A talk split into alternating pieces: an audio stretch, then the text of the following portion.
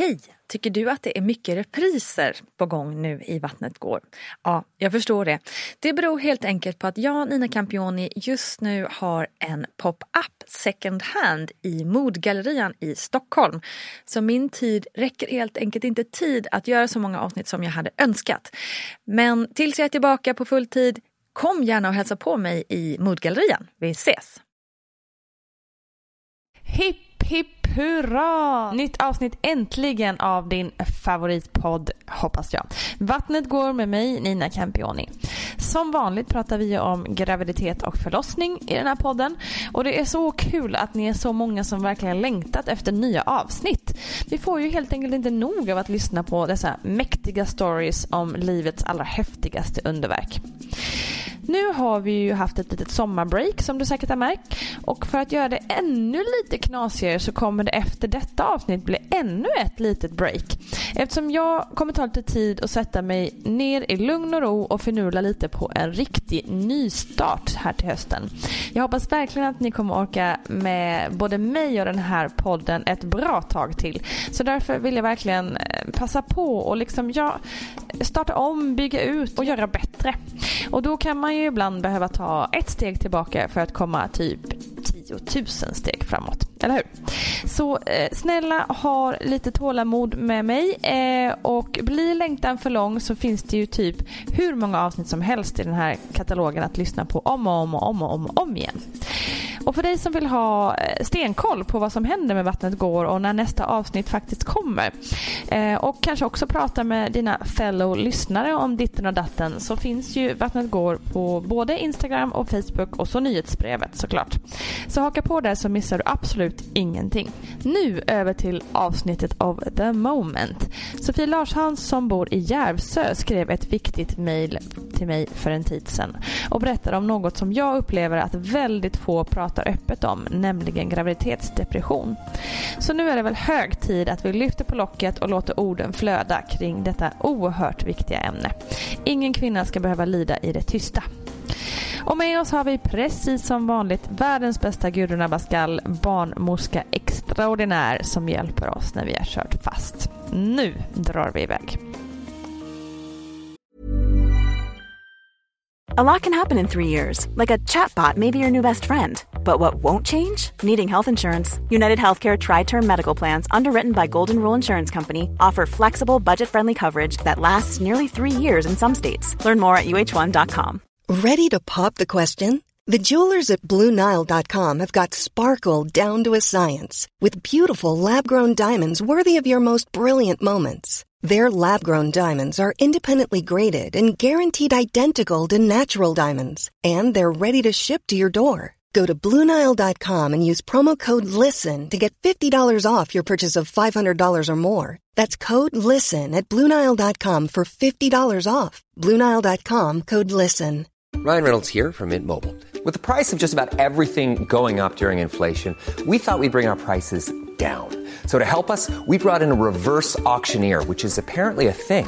Mint Mobile unlimited premium wireless. Ready to get 30, 30, bit to get 30, bit to get 20, 20, 20, bit to get 20, 20, bit to get 15, 15, 15, 15 just 15 bucks a month. So, Give it a try at mintmobile.com slash switch. $45 upfront for three months plus taxes and fees. Promo rate for new customers for limited time. Unlimited more than 40 gigabytes per month. Slows. Full terms at mintmobile.com. Hi, I'm Kara Berry, host of Everyone's Business But Mine, and I am an all inclusive addict. Enter Club Med, the best all inclusive for you and your family. With resorts worldwide, from their family flagship resort, Club Med Punta Cana, to their only mountain resort in Canada, Club Med Quebec, they have everything you need to relax. With their 20 plus sports activities, wellness programs, you can dine on delicious cuisine and make memories with your family. So book your next getaway with Club Med. Visit clubmed.us or call 1 800 Club Med or your travel advisor. Vad hade du för förväntningar på att bli gravid? Alltså jag hade ju den här uppmålade media, mediabilden med det fluffiga och vackra och lyckliga. Mm. eh, Den glada tiden. Mm. Hur blev det då? Ja, det blev eh, en mardröm Mm. båda gångerna. Från start liksom eller? I princip. Mm. Den andra värre än den första. Hur upptäckte du att du var gravid? Alltså, båda gångerna, det lyckades på första försöket båda Mm. gångerna. Så det var planerat? Det var planerat, mer för, andra gången än första. Första var det lite mer, vi, vi ser. Mm. Jag fick väl lite sådär, mm, det är nog någonting. Mm. Men eh, tänkte inte att det kanske var på riktigt. Sen kissade jag på stickan fem på morgonen. Och kom in och skrek till min man. Eh, som trodde att det brann. Ehm, och vi var chockade men jätteglada. Mm. Och då var du glad liksom Mm. Och, och Ja. när, liksom, vad var det, hur, hur kändes det liksom, när glädjen blev något annat? Alltså, under första graviditeten så var jag ju fortfarande, då var jag ju fortfarande ganska glad Mm. under hela. Men det var väldigt, väldigt tungt. Jag var, och jag, jag var väldigt eh, illamående. Jag kräktes inte så mycket men jag var det här konstanta illamåendet från morgon till kväll. Eh, och det höll på ända till vecka 17. Eh, och jag tror att det liksom det drog ner och sen blandat med att jag all självständighet eh, försvann. För Jag blev väldigt eh, trött så jag kunde inte köra bil för jag var rädd för att somna när jag körde. Du blev så trött alltså. Eh, jag, jag somnade en gång eh, när jag satt på jobbet och skrev. Nej, Mm. oj jäklar. Eh, och så blev jag väldigt eh, yrslig. Så att jag kunde inte gå för att jag var rädd att, mm, att svimma. Och så när illamåendet slutade så började sammandragningar. Okej. Så tidigt? Ja, I princip, det var väl tre veckor kanske. Mellan vecka 17 och 20 kanske. Som var ganska okej. Men sen från typ vecka 20 så började sammandragningarna. Och så var jag också extremt stresskänslig under den graviditeten. Vilket gjorde att jag inte, alltså jag kunde inte gå i normal takt redan från liksom i princip när jag kissade på stickan. Utan var tvungen att, en, en sträcka som normalt, normalt tog kanske 10 minuter att gå kunde ta en halvtimme och blev ännu värre. Så du var väldigt utelämnad liksom, till din Mm. kropp om man säger. Mm.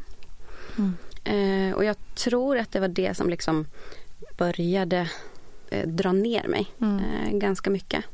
Och sen, jag vet att ehm, alltså alla besök jag hade hos barnmorskan under första graviditeten, då tog jag ledigt hela dagen. Ja. För att det tog för mycket kraft. Eh, jag grät i princip hela mm, mötet med barnmorskan. Och varför, liksom, hur, hur ville hon hjälpa dig eller hen hjälpa dig i, detta, i det läget? Ehm, hon... ehm, men i vecka typ 20 eh, så gjorde jag ju det här hälsotestet. Eh, där man fyller i hur man mår och hur man har mått de senaste veckorna. Och då hade jag, det var ju liksom precis i den här svängen när jag hade ehm, haft en bättre period. Eh, så att då var ju allting tipptopp. Och eh, ja, det var ju mycket bättre än vad det hade varit. Eh, och sen så var jag där hos henne och hon såg mig och allting kändes mycket bättre. Så att jag tror att jag sa till henne att det har varit det. det. Det, har varit ganska dåligt men nu är det bra. Och jag har eh, begärt ut journalen i efterhand. Och där, det står det också att, det, eh, att jag sa det. Och hon rekommenderade, eller hon, hon berättade att det fanns hjälp att få där. Eh, Men det var enda gången som vi pratade om det. Och det är också enda, det enda som är antecknat. Är typ en eller två meningar i den journalen. Över hur jag mådde psykiskt under den graviditeten. Ja, det, det, så här, I efterhand låter det ju helt orimligt när man Mm. har suttit och gråtit igenom sig liksom, Mm. ett, ett möte hur man inte kan Ja, liksom, anteckna mer minst sagt. Ja. ja. Fy. Och hur fortlöpte det sen? Var det liksom, du hade alla de här liksom fysiska problemen, men hur, hur mådde du mentalt då mot slutet och sådär? Alltså jag hade ju väldigt svårt Jag tyckte att det var väldigt jobbigt då att det var en, att det var en flicka. Eh, Vi tog reda på det i ultraljudet. Och varför tyckte du det? Därför att eh, mm, jag hade bara handskats med pojkbebisar tidigare. Och och också för att jag blev rädd för att eh, föda en flicka till eh, den här skitvärlden. Mm. Eh, och blev rädd för allting som hon skulle få Mm. eh, komma att... att Utstå. ja, Mm. precis. Eh, samtidigt så kunde jag också känna lite grann vid ultraljudet att men jag såg att hon hade min näsa och jag kände igen hennes rörelse lite grann. Eh, och kände lite att men det här är nog en, det är nog en liten kick-ass-brud. Mm. Eh, och kunde på något sätt trösta mig lite grann i det. Mm. Eh, men när jag pratade med kompisar så hade jag också väldigt lätt för att jämföra det med en, en parasit. Jag hade mycket lättare att se att, att det funkade som en parasit eh, i min mage än att det var en bebis. Mm. Det är intressant för jag tror ändå så här att man kan känna igen det just första Även om man kanske inte skulle gå så långt som med en parasit så, så kan man nog ändå, många av oss, eller jag också, känna igen framförallt första bebisen eller första barnet Mm. att man eh, det är så mycket som man själv får avstå från och Mm. får, liksom, som inte funkar för en själv för, Mm. och så är det så svårt att relatera till Mm. barnet i magen Ja. eftersom man inte vet riktigt vad det är. Liksom. Nej, Och då precis. känns det bara som det är något som äter upp Ja, en minst ja. sagt. Liksom. Ehm, så du är nog inte ensam i de Nej. tankegångarna tror jag. Eh, vi ska ju prata mer såklart om detta för att det blev ju än värre för dig i andra graviditeten. Mm. Vad kan extrem trötthet och yrsel bero på? Ja, tänk om vi visste det. Hörru du, det vore ju spännande. Men alltså, till att börja med så kan man säga att det är en otrolig hormonell förändring som sker i kroppen och att det också leder till både fysiskt och känslomässiga att kroppen blir stressad. Så att det är väl inte eh, det är väl det som man säger för det mesta. Sen är det väl också vilken livssituation man har, tänker jag. Att, att det här med, med trötthet och yrsel så står ju det oftast för att man är i en stressad situation. Och som, har, är, är man, väntar man barn och sen har man det jättetufft runt omkring så kan ju det säkert vara eh, ett påslag på det hela. Så att jag tycker att man får väl tycker jag, ta upp det med sin barnmorska, sätta sig ner, prata med sin partner och diskutera det här lite grann. Så är det enbart hormonellt eller ser min livssituation ut så att jag måste tänka det här med arbete och fritid och stress och allting och, och fundera över vad, vad är det själv för någonting. Om vi går in på lite med förlossningen när det börjar närma sig där. Mm. Hur förberedde du dig för det? Det... Alltså jag såg, jag, eftersom jag hade mått så pass dåligt under hela graviditeten Mm. så såg jag förlossningen lite grann som min revansch mot graviditeten. Mm. Eh, och såg jättemycket fram emot den. Mm. Och ehm, kände att ja, men, ja, jag är dålig på att vara gravid men jag är nog skitbra på att föda barn. Mm. Och sen i vecka 38 när jag var hos barnmorskan så kände hon att eh, hon troligtvis låg i säte. Så att vi fick eh, kolla upp det och det gjorde hon. Och så fick vi komma tillbaka på vändningsförsök två gånger som misslyckades. Mm. Så att det blev planerat kejsarsnitt. Hur kändes det då? Eh, det, var ju, det, det blev ju att, eh, att jag var dålig på det också. Mm. Jag kunde inte ens föda barn. Jag kunde inte vara gravid och jag kunde inte föda barn. Jag såg det ju inte som en förlossning. Ja, jag hade okej. jättesvårt att se det som... Det var liksom... Det var inte riktigt liksom. Nej, Mm. det var inte alls på riktigt. Jag, jag kunde inte benämna det som en förlossning. Mm. Utan jag sa operationen eller kejsarsnittet men Mm. inte som en förlossning. Mm. Hur ser du på det i efterhand nu då? Det höll i sig Mm. ända tills eh, under andra graviditeten. Mm. Eh, och nu, jag har en kompis som sa någon gång det spelar ingen roll om man tar tåget eller bilen, huvudsaken är att man kommer fram. Precis. Och idag så bryr jag mig inte Nej. alls. Nej. Eh, men det var väldigt, väldigt, väldigt svårt att Mm. förlika sig med det. Mm. Hur var det sen då när, när hon kom ut? Hur, hur reagerade du på, på det? Alltså min första tanke var, eh, för hon föddes med storkbett, så Mm. min första tanke var det där löser vi med en lugg. Ehm, och sen, ehm, jag kände ju inte liksom den här enorma kärleken. Men jag kände ett um, eh, omhändertagande. Mm.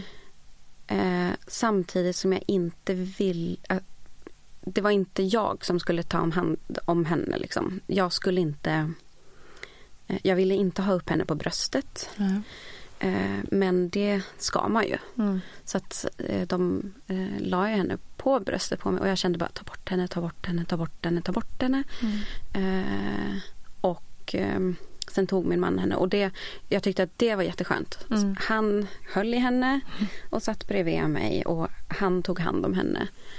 Och jag fick se det. Mm. Och det kändes tryggt liksom? Att det ja, det, såg du att hon hade det bra men du Mm. behöver inte själv? nej. Eh, Var det för att du var rädd att du skulle göra något fel eller vad tror du? Mm, ja, och alltså just då var det ju bara så här, hon var inte i mitt fokus. Mm. Eh, och jag ville inte ehm, ta i henne så liksom. Ehm, och han var bättre Mm. för henne. Mm. Eh, och sen vet jag, det där höll ju i sig. Mm. Och jag vet att jag, när jag satt på BB, i, satt upp i sängen och bedövningen inte hade gått ur. ehm, och han bytte blöja på henne så kände jag bara, men gud vad skönt att det blev kejsarsnitt ändå för nu, nu har jag en anledning att inte, att inte sköta det där. Mm. Att han, han kan ta henne och jag behöver inte skylla på någonting utan jag har min ursäkt här liksom. Mm, just det. Lite så. För du, du liksom var lite sängliggande liksom. Mm. Just det. det där, alltså den där grejen med att, att du inte var den personen som skulle, det höll i sig ganska länge, eller hur? Mm. Jag var hemma, hon, hon är född på sommaren och jag var hemma med henne till, ehm, jag började jobba igen i december. Mm. Och under he, nästan hela den tiden ehm, så kände ju jag liksom att jag inte var den bästa för henne. Mm. Ehm,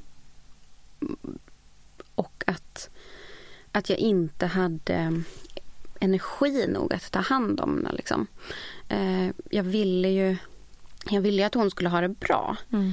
Men kunde inte riktigt eh, avgöra vad, vad som var bra. Jag kunde inte sätta gränserna riktigt. Min man jobbade på SJ då och vi kunde ju följa med han på tåget. Eh, tre timmar för att vara med han eh, på hans en timmes rast. Mm. Och för att jag skulle få avlastning under den timmen. Mm. Ehm, för att jag kände att jag inte klarade av att vara själv med henne hela Mm. dagarna. För det var väldigt, väldigt um, påfrestande. Men också för att men, de två var bättre för varandra. Mm. Det var väldigt mycket Såg du det som? Ja, Liksom? Mm. Ja. Ehm, det var ju också, alltså den målbilden jag hade när jag var gravid var att, att han skulle få eh, henne på bröstet. Inte, Det var inte någonting med att jag ville ha henne utan att de två skulle bli enade. Ehm, så att om någonting skulle hända med mig så hade de två varandra. Mm. Eh, sen var det också, jag fick också väldigt mycket katastroftankar kring henne. Mm. Att, mm, ja, men det mesta handlade ju om liksom att hon skulle dö och, jag, och känna att jag inte hade kunnat, eh, att jag inte var där för Mm. henne. Eh, och det var alltså sådana sjuka grejer att någon skulle komma med en eh, mm, AK47 och eh, skjuta genom eh, väggen in till våran lägenhet Mm. eh, och ha ihjäl henne på natten.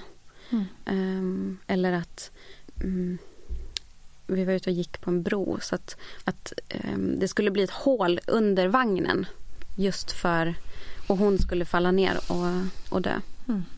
Fy Fan vad hemskt att Mm. behöva tänka så alltså. Mm.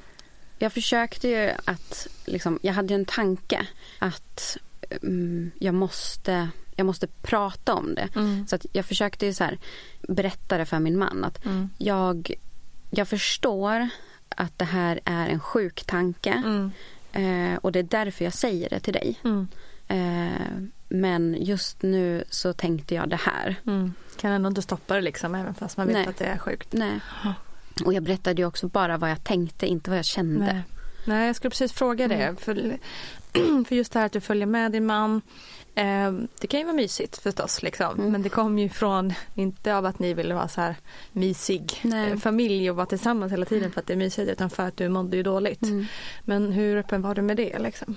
Jag fattade ju inte det själv. Nej. Det var jag inte all... Alltså, jag, jag kunde ju...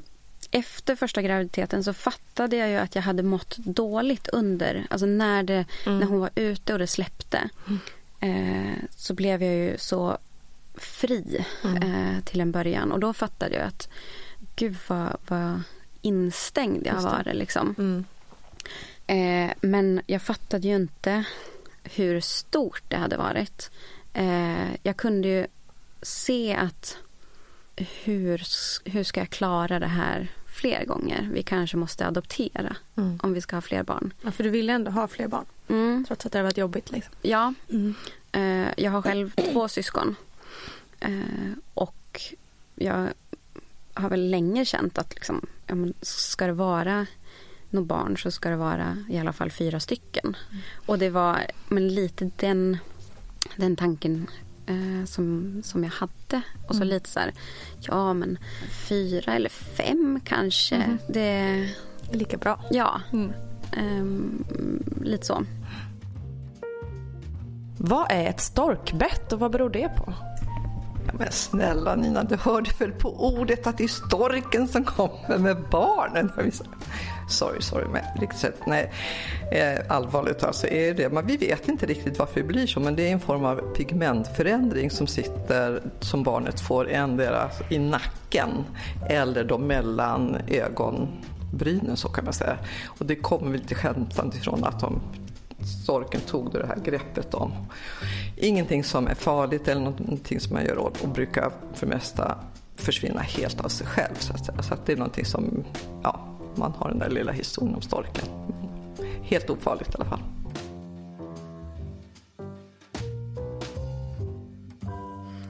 Så att jag ville ju ha fler barn. Ehm, men ehm, tänkte väl också, alltså när, när tiden gick så glömmer man ju. Mm. Gud ja. Eh, och då eh, tänkte jag lite att men det var, det var bara den gången. Alla graviditeter är olika. Ja, det pratar vi ju ofta om. Mm. Att det är. Så att eh, nästa gång det kommer bli en sån där drömgraviditet. Och då kommer det att bli så himla bra. Det var nog bara, det var nog bara jag som hade fel förutsättningar. Mm. Det var lite så jag tänkte. Mm. Bara jag ändrar förutsättningarna så kommer det att bli bättre.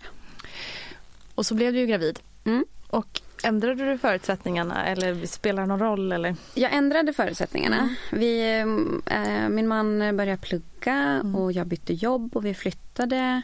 Eh, vi fick ett bättre nätverk runt oss. Ehm, och mm, alltså mycket mm, runt omkring liksom. Och det var också, men jag mm, jag hade haft, en väldigt, haft väldigt svårt att ha kläder på mig under första graviditeten för att allting satt för tajt. Bara det nuddade magen så tyckte jag att det satt för tajt. Ah, okay. Och det var redan från början. Mm. Eh, så jag tänkte, men alltså nu, nu kör jag på. Köper gravidkläder direkt Mm. från start. Liksom. Den här gången så ska det vara bättre. Mm. Och det var det. Eh, I typ en vecka. Mm. Och sen kom illamåendet.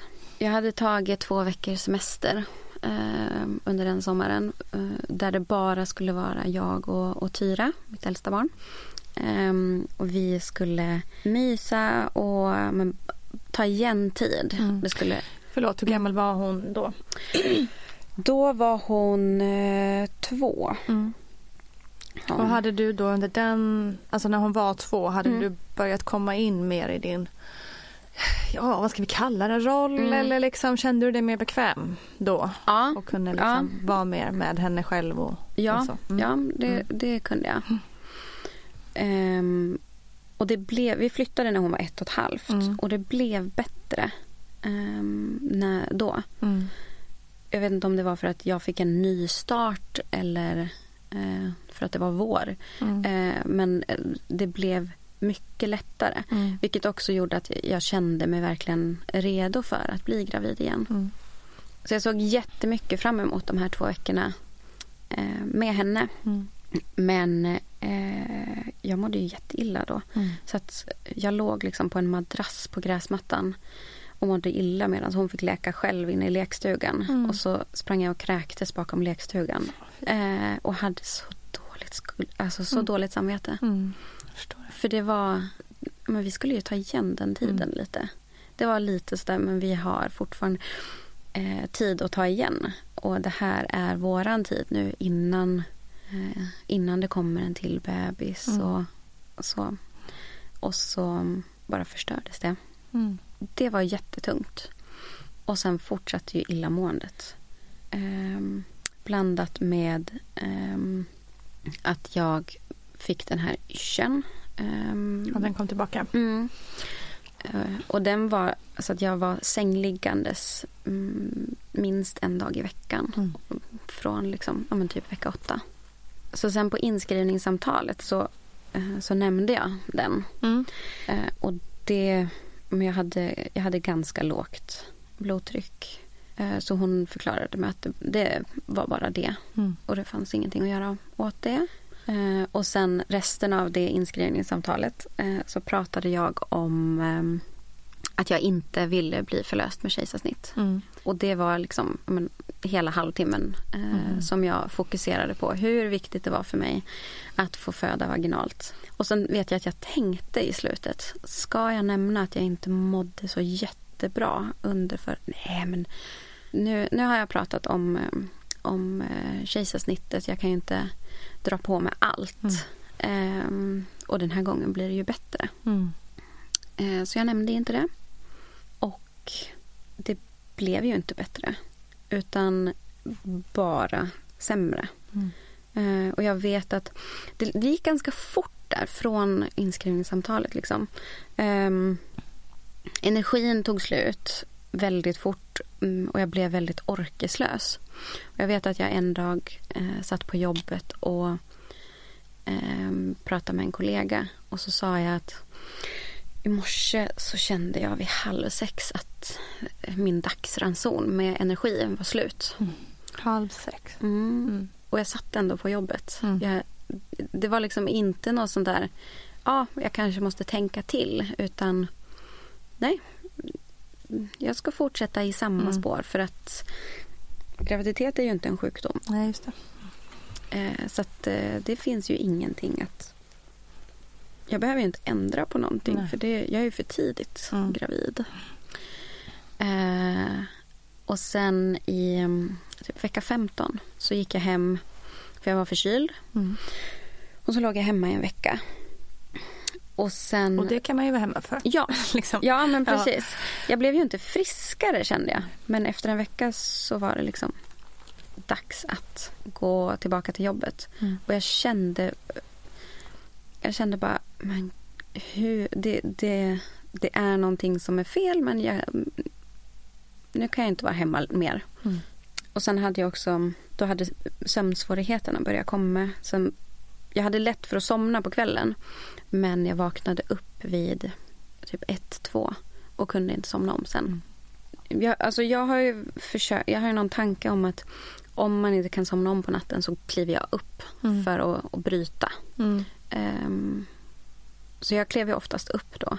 Men jag blev liksom aldrig trött igen. Ja. Ehm, och ja, men på natten så då är ju tankarna lite eh, mer ensamma Mm. och eh, svarta. Mm. Eh, så det blev ju liksom lite mer grusigt i, i huvudet. Mm. Och jag vet att det hade varit så den natten. Och jag hade, jag hade somnat om igen typ vid fyra och skulle upp vid fem. Mm. Men jag Ja, klev, då blir det ju inte så mycket sömn. Liksom. Nej, och jag klev upp vid fem och gjorde mig i ordning. Eh, så satt jag vid frukostbordet och eh, då ringde min lilla syster och frågade, men vi pratade ett tag och sen så frågade hon mig Sofie, hur mår du? Mm. Och det var liksom, det var rätt fråga vid precis rätt tillfälle och allting bara brast. Mm. Eh, jag grät jättemycket och, men, och sa till henne då att alltså jag mår skit. Eh, jag har sömnsvårigheter, jag har koncentrationssvårigheter, eh, jag har, ork, har ingen ork, energibrist och minskad livslust. Eh, och det var ingenting som jag hade reflekterat över tidigare. Men när jag sa det till henne så vart det så naturligt. Liksom. Det var som att, att jag sa det till mig själv också. Mm. Det var rätt person som, Mm. som frågade. Ja. Mm. Och hon har inga egna barn. Men kunde en, och, och kunde liksom fokusera och så här Sofie, det ska inte, så, så ska inte livet vara. Nej. Oavsett om du är gravid eller inte. Eh, så att du, du måste ringa till vårdcentralen. Mm. Eh, och jag tänkte lite så här, ja ja, det kan jag göra sen någon annan gång. Kanske imorgon eller någonting. Eh, för det är också så himla svårt att men, ringa till vårdcentralen och säga vad då? Hej, jag skulle behöva lite hjälp för jag mår inte så bra. Men då är det mycket lättare att eh, ringa och säga att man har brutit benet. Ja, visst. Absolut.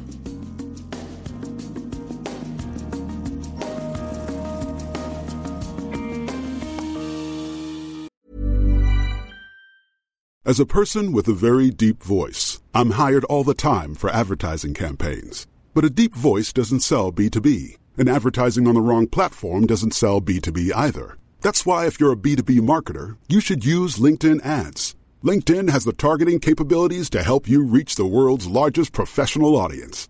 That's right, over 70 million decision makers all in one place. All the big wigs, then medium wigs, also small wigs who are on the path to becoming big wigs.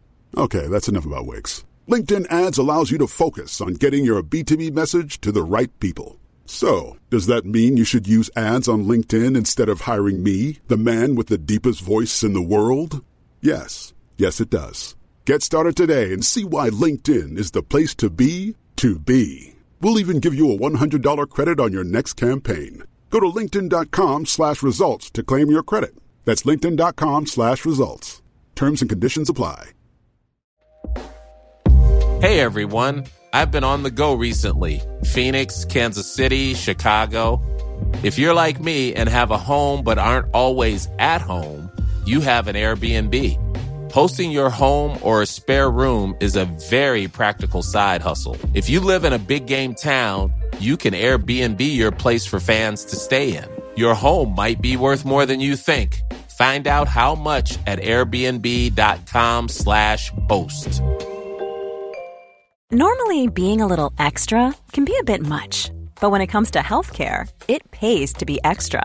And United Healthcare makes it easy with Health Protector Guard fixed indemnity insurance plans. Underwritten by Golden Rule Insurance Company, they supplement your primary plan, helping you manage out of pocket costs without the usual requirements and restrictions like deductibles and enrollment periods. So when it comes to covering your medical bills, you can feel good about being a little extra. Visit uh1.com to find the Health Protector Guard plan for you.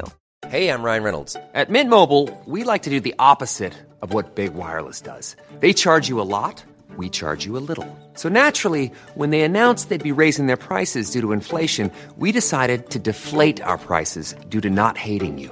That's right. We're cutting the price of Mint Unlimited from $30 a month to just $15 a month. Give it a try at mintmobile.com slash switch. $45 upfront for three months plus taxes and fees. Promo rate for new customers for limited time. Unlimited more than 40 gigabytes per month. Slows. Full terms at mintmobile.com. Hi, I'm Kara Berry, host of Everyone's Business But Mine, and I am an all inclusive addict. Enter Club Med, the best all inclusive for you and your family. With resorts worldwide, from their family flagship resort, Club Med Punta Cana, to their only mountain resort in Canada, Club Med Quebec, they have everything you need to relax. With their 20 plus sports activities, wellness programs, you can dine on delicious cuisine and make memories with your family. So book your next getaway with Club Med. Visit clubmed.us or call 1 800 Club Med or your travel advisor. Och jag visste ju, alltså vid det här läget så visste ju inte jag mer än att jag precis hade, hade berättat för henne en massa saker som jag precis hade förstått. Förstått själv Ja. liksom. Mm. Men hon, hon stod på sig och fick mig att eh, ringa. Mm. Eh, och jag fick prata med alltså en helt underbar eh, kille eh, som eh, gav mig en läkartid och inte ifrågasatte någonting utan tog det på största allvar. Ehm, och så fick jag träffa en läkare som också var helt fantastisk. Och det var liksom lite så här... Jag hade ju inte, heller, jag hade ju inte berättat för min man att jag mådde så här eftersom Nej. jag inte hade förstått det Nej. själv. Nej. Eh, så att när jag hade pratat med henne och ringt till vårdcentralen så gick jag liksom gråtandes till honom och så här. ehm, du, jag ska till... Jag, du måste skjutsa mig till vårdcentralen. För eh, jag mår skit. Mm. Ehm, och försöka förklara för han och han fick ju jätteskuldkänslor för att han inte hade sett någonting. Mm. Och så träffade jag den här läkaren som var helt fantastisk. Och hon sjukskrev mig direkt för depression. Mm. Eh, och det var också så himla skönt att få den diagnosen. Eh, för då, det vart lite grann som ett brutet ben. Mm. Ja, Aha, jaha, men det är det här paketet som är mitt. Mm. Eh, det är därför Mm. jag mår på det här och det här sättet. Mm. Det finns någon form av förklaring. Liksom. Ja. Och det finns kanske också då eh, ja, hjälp att komma Mm. ur det. Ja, finns lösningar någonstans. ja precis. Eh, och så fick jag också insomningstabletter och eh, mm, en samtalsstöd, Mm. en kuratorkontakt. Eh, vilket var jätte, jätteskönt. Mm. Eh, att äntligen kunna sova igen på nätterna. Mm. Gud vilken skillnad. Ja. Eh, och de, alltså det här var alltså i vecka 16. Mm. Och jag tog dem i princip varje natt under resten av graviditeten sen. Mm. Och jag tänker också på det här med, ehm, med sjukvården så att säga. Nu fick Mm. du hjälp här i andra graviditeten. Men har du Mm. känt någon bitterhet så här i efterhand kring att du ändå gick så pass länge? Både första graviditeten och sen det jobbiga med att ta hand liksom, om- om ett spädbarn.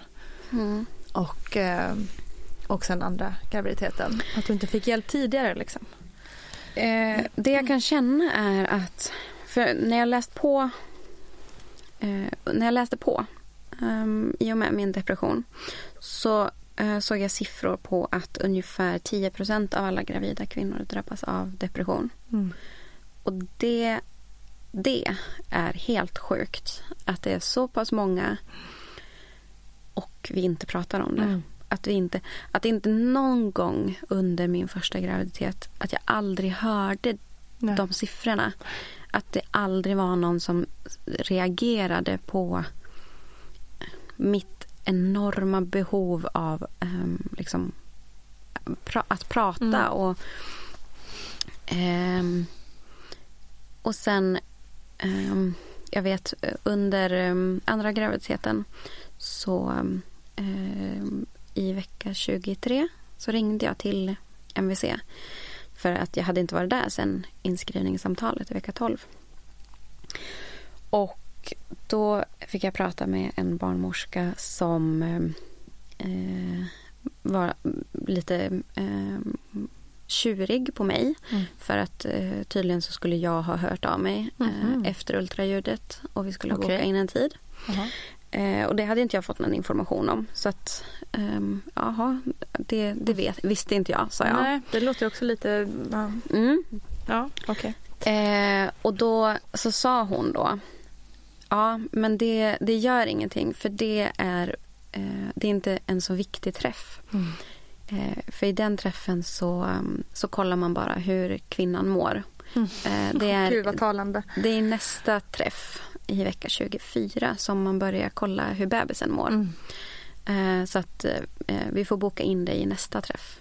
Och det, den kommentaren var så, så klockren Mm. på varför jag inte hade hört talas om det här tidigare. Mm, precis. Det är ganska klockan för hur hela samhället Mm. funkar. Mm. Det är inte så viktigt för det handlar bara om hur kvinnan Mm. mår. Jag ska fan skriva upp det. Herregud. Det är helt sinnessjukt. Mm.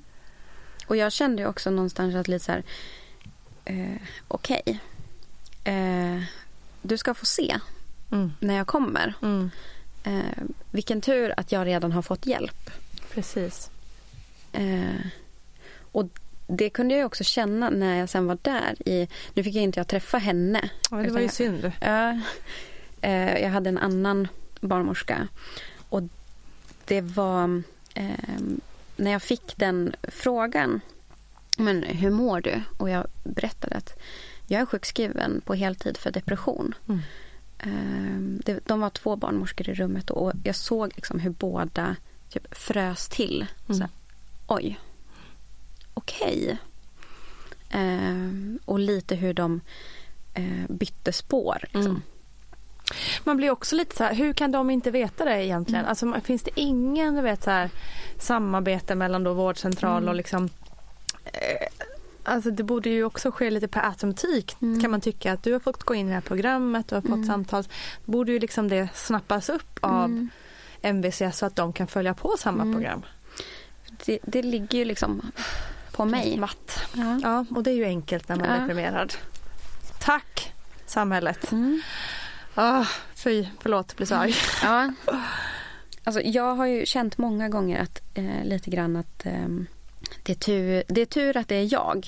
Eh, för att jag kan ändå eh, jag kan ändå ta det där och se eh, ja, men lite ehm, visa fingret åt er för mm. att jag har redan jag har, jag har redan eh, hjälp mm. via min väg. Mm.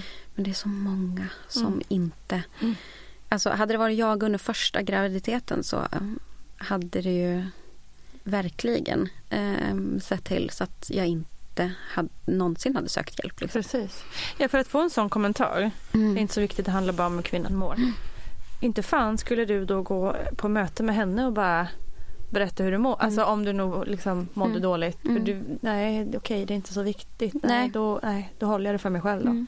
Oh, fan inte klokt alltså. Nej. Så, ja, men mm, den barnmorskan jag fick hon var fantastisk. Mm. Jätte, jättebra. Skönt. Ja. De flesta är ju det, ska ja. vi återigen säga. Alltså, det, det krävs ju också så lite liksom. Mm. Att det ska gå helt åt helvete. Ja, verkligen. Sen, det var ju också väldigt tungt för mig mm. att det var en, eh, det var en pojke, den här graviditeten. Mm. Och det var tungt den här gången? Ja. okay. eh, ännu tyngre. Mm. För då var det ändå lite grann... Eh, jag, hade, jag hade vant mig vid att ha en tjej. Mm. Eh, båda mina syskon är tjejer, vi är tre tjejer. Eh, och jag hade väl sett lite grann att men, jo, men det, jag, jag, jag är en tjejmamma och mm. gud vad vi ska ha girl power och mm. eh, och så var det en pojke. Mm. Eh, det... Eh, jag vet att när, när vi gick ut ur rummet eh, så var min man lite så här... Ja, ja det var, var kul att allting såg bra ut. Och jag kände bara... Jag måste gå till bilen och gråta. Mm. Eh, och min första tanke var, vi, säger, vi berättar inte det här för någon. Eh, inte, inte så här, det kommer ju att synas när han kommer ut. Mm. Eh, men, utan det var bara, vi berättar inte det här för någon. Mm. Eh, vi döper han till ett neutralt namn. Så att ingen förstår om det är en pojke eller en flicka. Och vi berättar inte det för någon. Mm. Förlåt att jag typ sitter och småler här lite men mm. det, det låter ju lite så här, eller så det låter ju extremt men jag, fatt, mm. jag fattar att det är i, i ditt mindset där så, mm. så var ju det här sanning liksom. Mm. Mm. Eh, och det, alltså, jag visste ju också att men det är ju helt sjukt. Mm. Eh, vad är det jag tänker? Eh, men och jag, alltså jag, jag var jättearg på Jonathan, min man, den dagen. Jag anklagade ju han för att eh, bebisen var en pojke. Mm. Och, så här. och han hade aldrig ens sagt att han ville ha en son. Utan ändå så var det så här, men du ska få en son så att eh, du får inte bestämma det här. Mm. Eh, din son var det. Mm. Um, och till slut så var jag ju tvungen att säga till honom att jag hör hur jag låter. Mm. Och jag ber om ursäkt för det. Jag måste bara få låta så här idag. Mm. Det kunde han ta. Mm. Det är rätt otroligt ändå också att du ändå kunde liksom kliva ur dig själv på något vis. Mm. Och se. För det är ju inte så himla lätt när man känner ju så starkt. Ja. Och det känns ju så sant och så ja. verkligt. Jag tror, jag har en, en ganska logisk eh, mm. sida. Mm. Eh, vilket har hjälpt mig ganska mycket. Mm. Ehm, för jag kan ändå... eh, under depressionen så har jag ändå kunnat så här... Okej, jag, jag känner så här. Och det är nog kopplat till depressionen. Ehm, och men, typ, kunna fråga folk. Jag vet att det var eh, vid något tillfälle under den andra graviditeten som eh, det slog mig att så, men gud, tänk om att Tyra låg i säte. Eh, tänk om det var evolutionens sätt att eh, se till så att hon och jag dog så att inte eh, min psykiska ohälsa och mina dåliga eh, psykiska gener förs vidare. Mm. Så att, så att vi båda skulle dö vid förlossningen. Mm. Och det tänkte jag så här. Eh, ja, men jag tänkte ju klart hela den tanken och kände eh, och så bara eh, vänta lite här nu. Och var tvungen att skicka ett sms till en kompis och så här. Eh, jag tänkte precis den här tanken. Är det jag Mm. eller är det depressionen? Mm. Eh, och hon bara nej, det, det är inte en sund tanke. Det, det där är depressionen. Och jag kunde säga okej, ja men då ska jag inte då ska jag inte lyssna på det. Nej, precis. Eh, Även om känslan finns kvar Mm. eh, så behöver jag inte ägna energi till att lyssna på det i alla fall. Det har ju varit väldigt skönt Mm. under sjukdomstiden att jag ändå har kunnat se det på det sättet. Mm. Sofie fick ju en graviditetsdepression som inte liksom upptäcktes så att säga. Ehm, hur mycket diskuteras det här om psykiska problem i barnmorskeutbildningar eller generellt inom professionen? Ja, men det tycker jag att just under graviditeten och eh, det tycker jag att det har utvecklats jättemycket sen jag började som barnmorska. Då, då fanns ju inte sånt här. Det fanns inga som var, mådde dåligt eller deprimerade inom situationen. Nej, eh, det fanns det förstås. Men idag så har man verkligen sett det här på ett jättebra sätt. Så att i barnmorskeutbildningen idag så, så ingår det ofta både förlossningsrädsla och depression och sådana saker. Och varje förlossningsklinik har ju alltså en verksamhet som ska ta hand om kvinnor och allt med förlossningsrädsla och depression och skicka vidare. Så att jag tycker att det, är, att det finns medel och speciellt nu sista året så har det satsats jättemycket för vi ser ju till exempel att procenten förlossningsrädsla och depression att det, om det sen att det ökar eller att men nu ser man det mycket tydligare. Det är ju alltid svårt att veta vad som är, är hönan och ägget i det hela. Men jag tror att, att vi inom professionen är mer medvetna.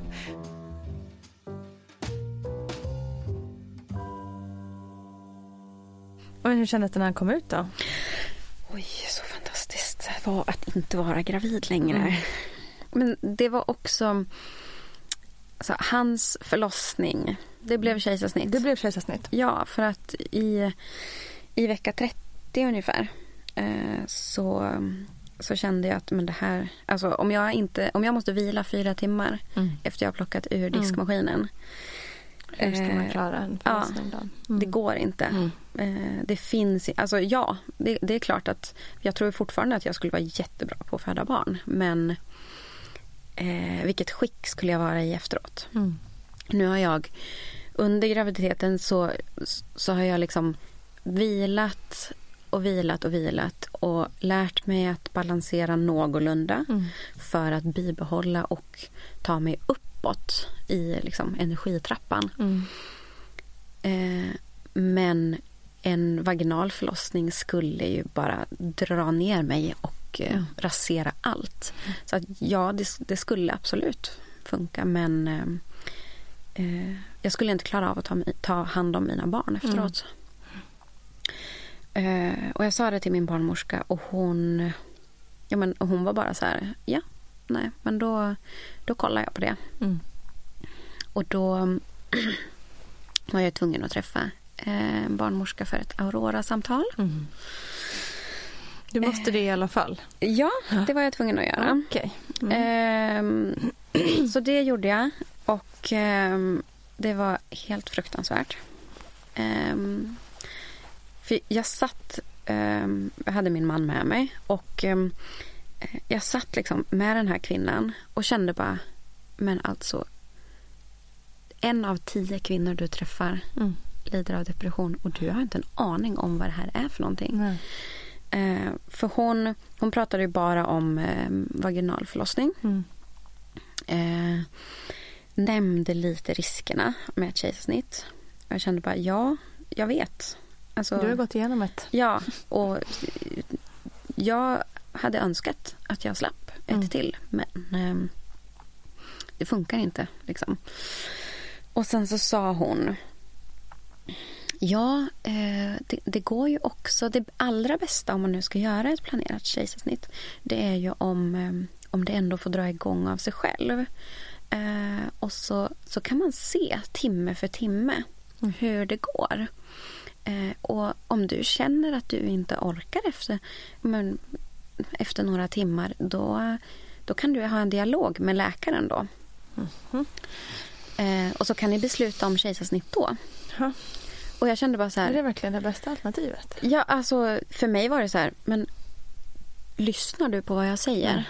Mm, precis. Jag har inte timme för timme. Du sitter och säger timme för timme.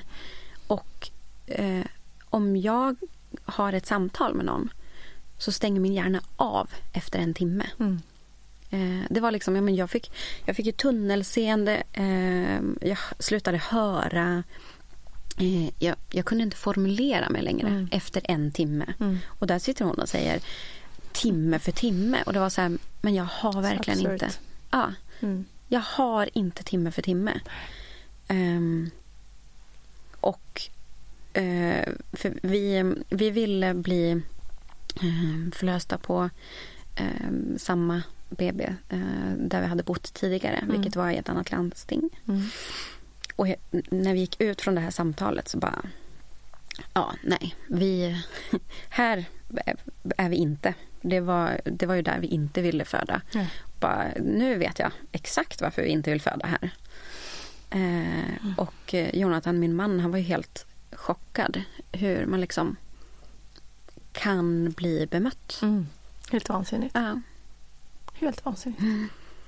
Men jag fick eh, kejsarsnitt beviljat Mm. i, var det, i vecka, ja det var också i typ vecka 37 eller 38. Och då var jag, jag fick veta det, för jag var hos min kurator och då var jag i liksom, upplösningstillstånd. Mm. Ehm, för jag visste, det var så jobbigt att veta att men jag är 37 veckor är passerade. Bebisen är helt utvecklad. Jag mår skit. Och nu liksom bara, nu, nu bara går jag och väntar på att eh, den här bebisen ska götta till sig. Det kan han göra på utsidan. Mm. Eh, jag vill inte något mer. Och jag visste fortfarande inte om jag fick ett kejsarsnitt eller inte. Herregud. Varför spelar man så på äh, människors liksom, liv? Jag fattar inte. Det är, he- till vilket, alltså, Mm. För vilken mening då? Eh, så hon, alltså för mig var det så här, nu ger jag upp. Mm. Nu ger jag upp, jag orkar inte mer. Det var verkligen ehm, extremt jobbigt. Mm. Och sen är man, alltså vecka 37-38, det- han är så stor, Mm. tung och men allting var ju bara svart. Mm. Och då ringde hon och kollade. Och då berättade hon att jo men de- har godkänt det nu. Eh, och skickat remiss till ehm, det andra sjukhuset. Så att det är grönt. Du får kejsarsnitt. Och det var ju en enorm lättnad. Mm. Ehm, men de var ju också tvungna, var ju tvungna att gå och vänta på att få en tid. Eh, och jag tänkte ju så här, men plocka ut honom. Mm. Alltså, imorgon Mm. funkar så bra. Och eh, sen när de till slut ringde så fick jag en tid fyra dagar före BF. Mm. Eh, och det, men det var väl typ, hon ringde kanske en vecka innan det. Och jag kände bara, gud det är så lång tid Mm. kvar. Mm. Okej, ja, jag tar den men det är så lång tid kvar. Mm. När dagen var kommen så ehm, Alltså det är ju typ eh, tio personer i eh, rummet. Och eh, jag tror att två av dem var män. Eh, och då kände jag lite så här, ja okej att, att det är en pojkbebis men det är i alla fall helt grymma kvinnor i det här rummet som ska förlösa honom. Mm. Eh, båda eh, läkarna var kvinnor. Eh, och det... Jag kände lite så här, men energin är ändå bra. Mm. Eh, och det var, det var vårdagsjämning. Jag kände så här, ja, det är nu det vänder. Mm. Han kommer ut och det är nu det vänder. Eh, så även fast jag såg ju han som en, en parasit också ännu mer än vad jag såg eh, Tyra som en parasit Mm. eh, när de var i magen. Men så kunde jag ändå liksom när, när båda barnen kom ut så var det ändå så här, men de kom med med energin. Mm. Lite så. Hur var det när han kom ut? Ville du ha honom på bröstet eller ville du? Eh, då, hade jag, då hade jag ju liksom eh, sagt åt dem att jag inte ville ha honom på bröstet. Ehm, och jag kunde känna lite grann att kom närmare. Eh, men jag var, också, jag var också rädd eftersom det var en pojke så fick jag någon sån där jag vill inte att han ska kissa på mig. Mm. Eh, så har han inte... Jag eh, jag vet att... Jag tror att det är Johanna Kajson eh, som har skrivit om eh, att hennes son kissade typ så att, hon rann, att det rann på halsen Mhm. och jag kände bara nej, nej, nej, det Mhm. vill jag inte. Ehm, så eh, det var lite så här, man, ha han nära men, men inte på bröstet. Mm. Ehm, men det var ju en mycket bättre... Jag vet att jag grät eh, då. Både för att det liksom var så befriande. Mm. Och jag visste ju att det kommer och nu, nu vänder det. Mm. Eh, och det kommer bara bli ljusare. Eh, allting kommer att bli bättre. Mm. Och det blev det ju. Mm. Ehm, och det, det blev inte alls...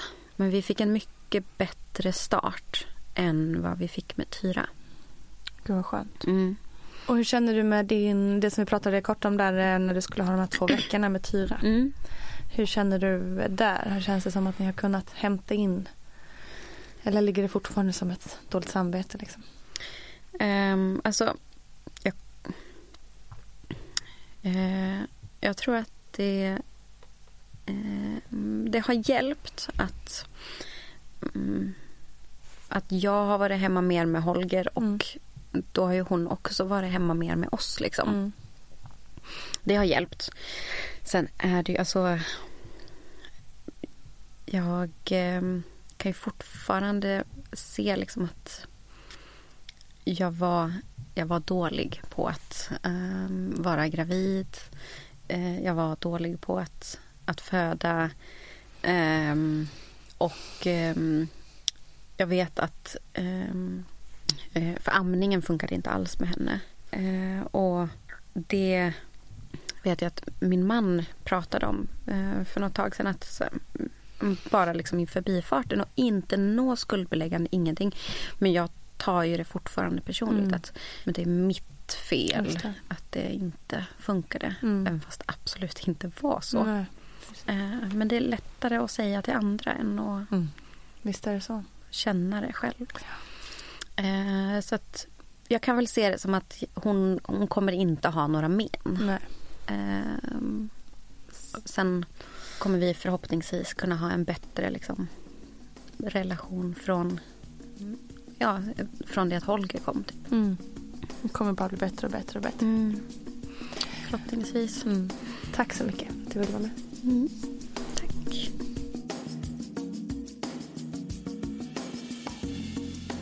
Tusen, tusen tack Sofie Larshans för att du hade mod att sätta ord på det som så många kanske inte vågar eller kan. Du är så viktig. Tack. Tack också till dig kära lyssnare. Du är otroligt viktig för mig och för den här podden ska du veta. Håll nu utkik på sociala medier kring vad som sker i Vattnet Gårds värld framöver. Jag vill också passa på att rikta ett stort, stort, stort tack till hela Team Perfect Day Media. Puss, I love you och till alla er som lyssnar, vi hörs fortare än du anar. Kram!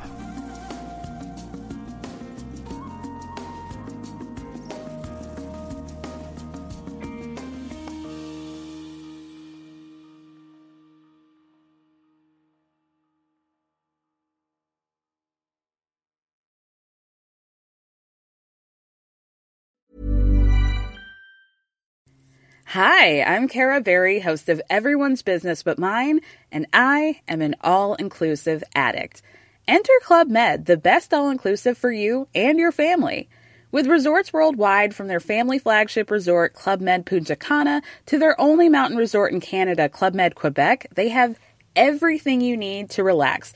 With their 20 plus sports activities, wellness programs, you can dine on delicious cuisine and make memories with your family. So book your next getaway with Club Med. Visit clubmed.us or call 1 800 Club Med or your travel advisor. Join us today during the Jeep Celebration event. Right now, get 20% below MSRP for an average of 15178 under MSRP on the purchase of a 2023 Jeep Grand Cherokee Overland 4xE or Summit 4xE. Not compatible with lease offers or with any other consumer incentive offers. 15,178 average based on 20% below average MSRP from all 2023 Grand Cherokee Overland 4xE and Summit 4xE models in dealer stock. Residency restrictions apply. Take retail delivery from dealer stock by 4 1. Jeep is a registered trademark.